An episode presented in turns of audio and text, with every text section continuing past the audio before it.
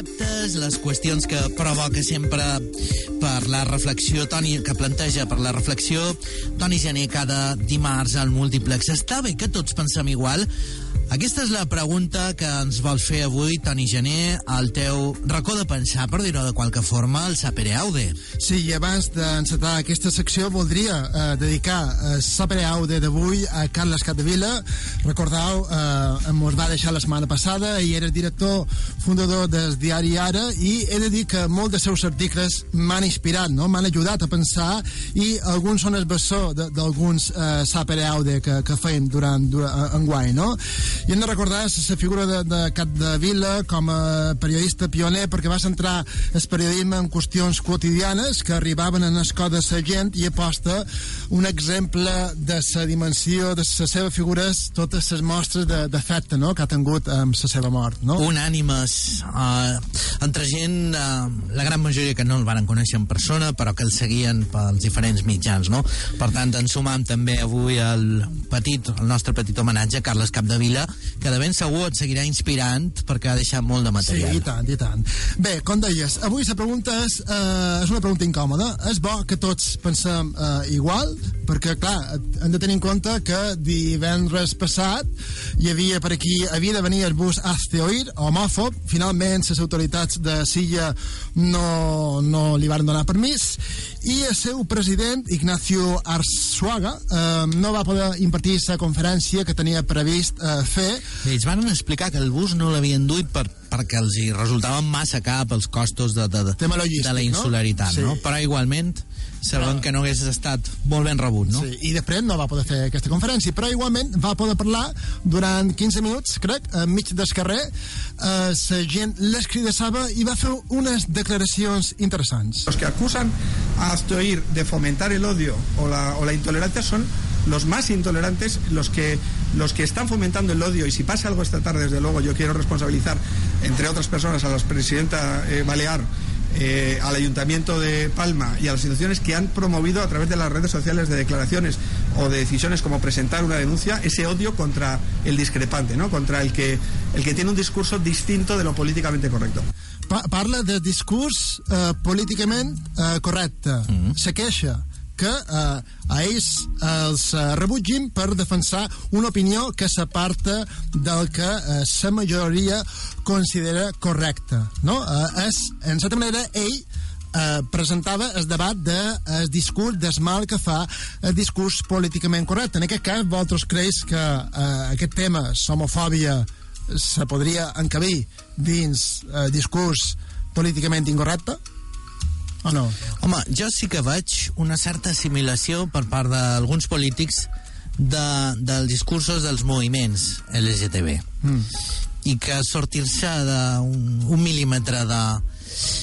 No sé, veig un pot de postureo, per dir-ho de qualque forma, per dir-ho d'una altra forma més entenedora. Uh, estem està que uh, si uh, ningú hagués parlat d'aquest bus i s'hagués passejat tranquil·lament per, per Palma o per altres punts d'Espanya, uh, segurament la gent no hauria parlat tant d'ells i, per tant, uh, millor càstig per Ventura la indiferència, o no?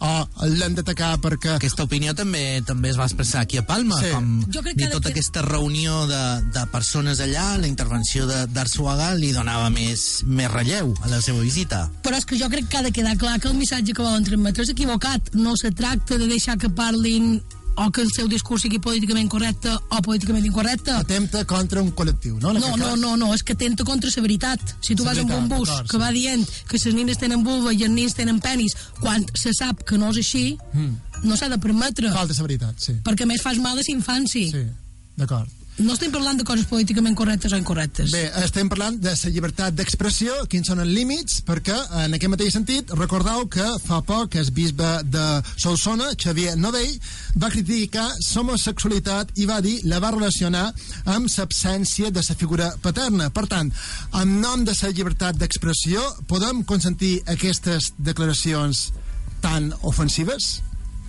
Eh? Qui té la resposta? No ho sé, vol- És que és Home, un- és un- és un esperàvem que la duguessis tu. Clar, és un meló que ens Avui mos fa una enquesta. Sí, sí, ha dit que venien respostes i tot són preguntes. el gran meló Un del segle un XXI, mossegat les què? que és la llibertat d'expressió, i mos Sí. demanes a nosaltres tres, Sí. humilment, que avui el resolguem. No té dret a dir el que vulgui, aquest Bé, però senyor? queda en ridícul, Toni, Sí. que digui el que vulgui, però queda en ridícul. No de- quantes, si tu vas i dius els homes i els porcs són el mateix.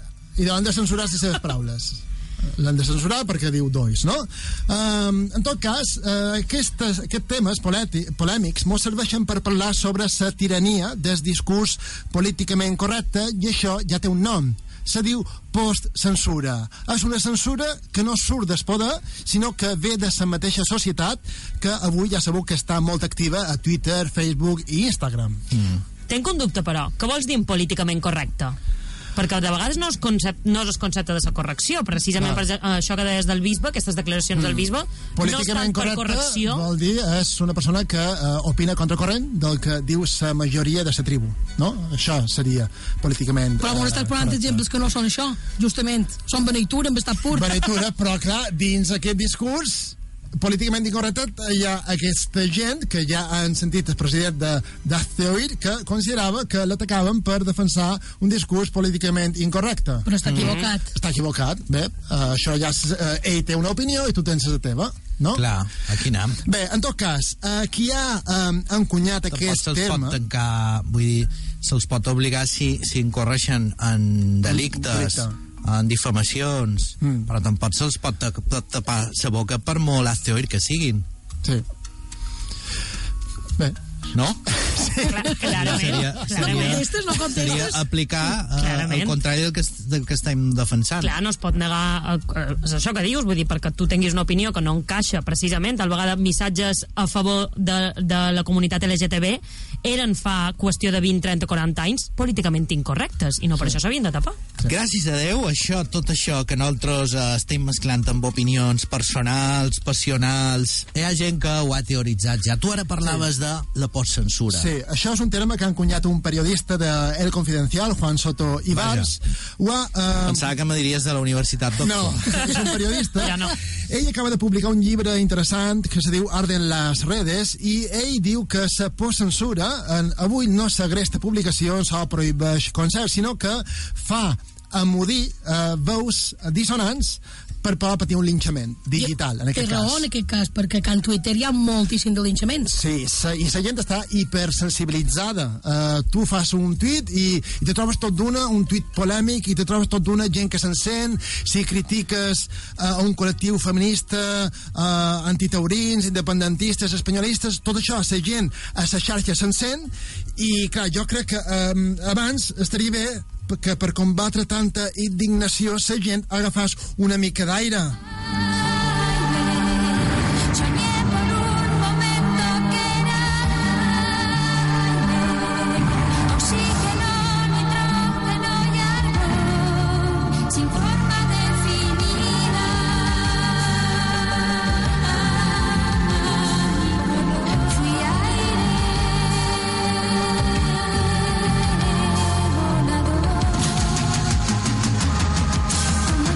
Donar-li la raó a Nato Roja, sinó tu, Toni Genet, tens raó. Déu fa més aire en aquesta vida. Bé, que la gent que fa, s'aixeca de matí, diu, ara m'indignaré una mica. Vaig a Twitter, diu, uh, un tema que me, me toca la moral, uh, jo què sé. Me crisparé un poc. Vinga, Sí, per aquí.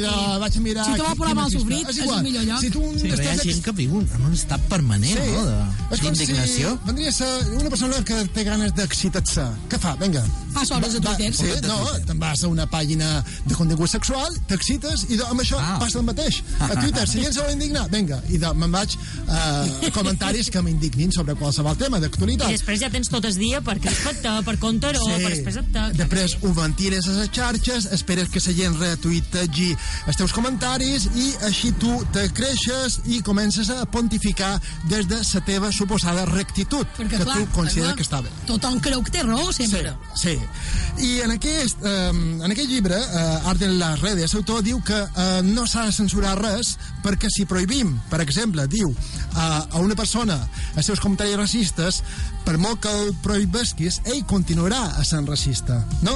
I és, és el tema, és un tema eh, curiós i a vegades si eh, criticam o censuram una opinió, això pot fer que la gent se cresqui encara més i se senti més legitimat en les seves opinions. Si a un eh, ultradetà li dius racista, per ventura eh, ell encara s'enfortirà més, no? I eh, a partir d'aquí arriben les etiquetes, no?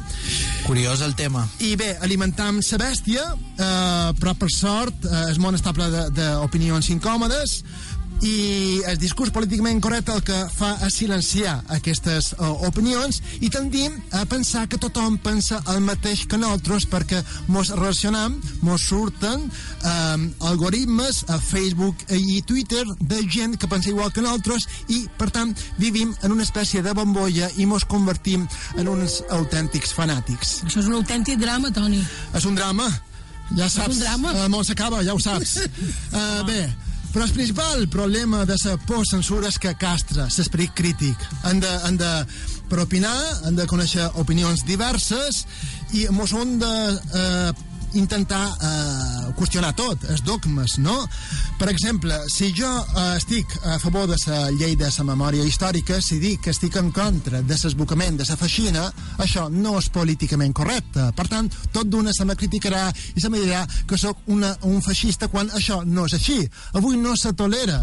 Els matisos no se toleren. Uh, ja Tot se és sap... blanc o negre, Sí, perquè és eh, més còmode. És més còmode, sí. I ja te Eh, Lleva complexitat a Ja, les te posen coses. lleves complexitat, efectivament. Si jo sóc feminista, no puc dir que estic en contra de la llei de paritat, no? que estableix el mateix nombre d'homes i de dones.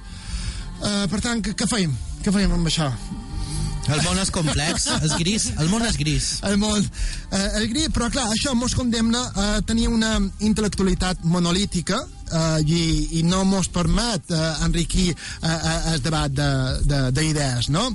I avui, curiosament, sembla que vivim l'època de la novel·la de George Orwell, 1984, ja, ja ho sabeu, és una època, és un llibre que parla de la policia del pensament. I de per ventura, a Twitter, eh, tenim aquesta policia del pensament de gent que tot d'una eh, critica comentaris que consideren políticament eh, incorrectes i, clar, això és un drama perquè jo crec que si avui Sòcrates aixecàs el pare de la filosofia que mos va ajudar a pensar aixecàs Escap, el cap de la escap, tomba diria diria que Tapa, tapa. Tapa, tapa, tapa, tapa. Bé, per ventura van fer un tuit i eh, després eh, se taparia un altre pic, perquè clar, eh, ell ho qüestionava tot i deia que veritat, per arribar a la veritat, primer eh, han d'intercanviar idees. No en vàrem aprendre res del pobre Sòcrates. No, i jo crec que a part de Sòcrates s'haurien de fer també cas a qui m'hi porta.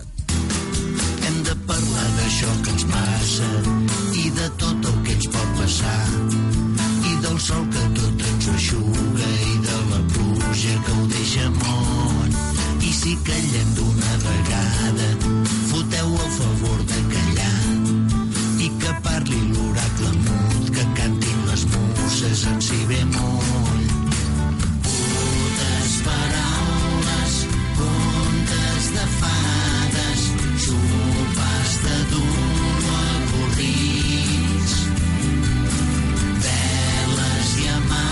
sap greu, aquestes paraules de qui m'hi porta sé que no són políticament correctes, no? Perquè Per diu, això no gros- disculpes. diu grosseries. Diu- diu no? paraulotes, Diu paraulotes, no? Bé, però són paraules ja tan incorporades. Uh, sí. I a més els diu ell, vull dir...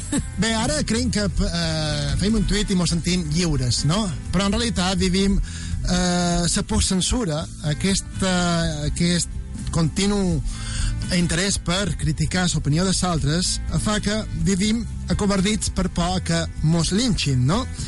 I, i clar, després també tenim eh, tota aquesta moda que hi ha eh, quan hi ha un moviment que s'indigna de recollida de signatures o boicota una empresa determinada i la gent ja se- se- s'encén. I no reflexionant molt, si senzillament mos unim. Som molt esquizofrènics amb això, també. I posam etiquetes. Mm. Eh, el més fàcil és posar eh, etiquetes i sobretot fer servir eufemismes. Mm. No? I clar, no Llocs po- comuns. Sí, no pots dir les coses per seu nom. Ho has de dir de manera correcta, no? Que soni bé. Que soni bé, perquè si no ets un radical.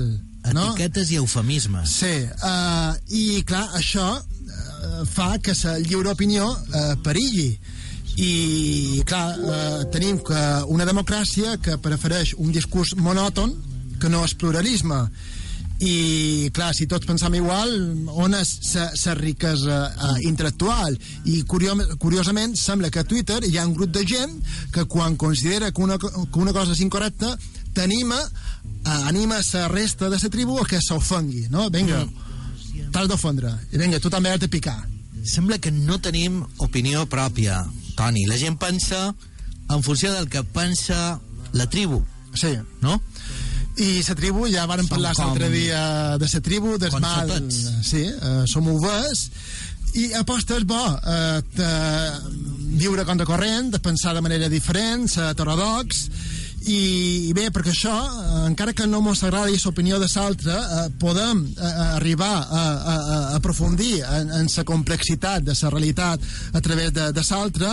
Per tant, no hem de ser tan fanàtics a l'hora de criticar eh, a l'altre, no? Hem de tenir una ment eh, més oberta per enriquir eh, el debat. Jo crec que aquest discurs el compraria Carles Capdevila, no? De ben segur. De Ell ben era... segur. El seu discurs de comiat a la redacció del diari Ara conté um, molt de material, també, eh? molt Sí. de conceptes no, no expressats, no explicitats per ell, però que transllueixen tot això, no? ell criticava molt l'estatu quo que se va trobar mediàtic, no? I, mm. i bé, uh, si ets heterodox, això uh, pot anar bé per enriquir aquest debat d'idees. En tot cas, voldria acabar aquest sapere Aude, li voldria dedicar a ell amb una cançó que aquest dia la seva uh, dona, Eva Piqué, ha volgut compartir a les xarxes socials, se titula Vida, és una cançó de Lluís Llach que parla de sa vida, però també de sa mort, que són dues cares de sa mateixa moneda.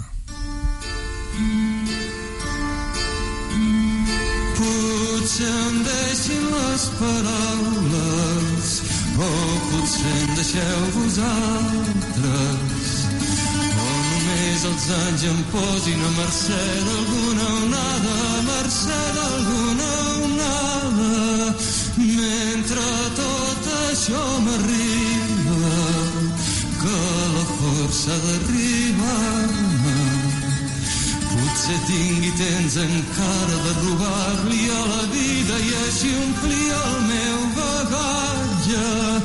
Mentre tot això m'arriba, vida, vida. Vida canta Lluís Llach amb aquesta cançó tancam el Sapere Aude i tancarem el múltiplex d'avui també.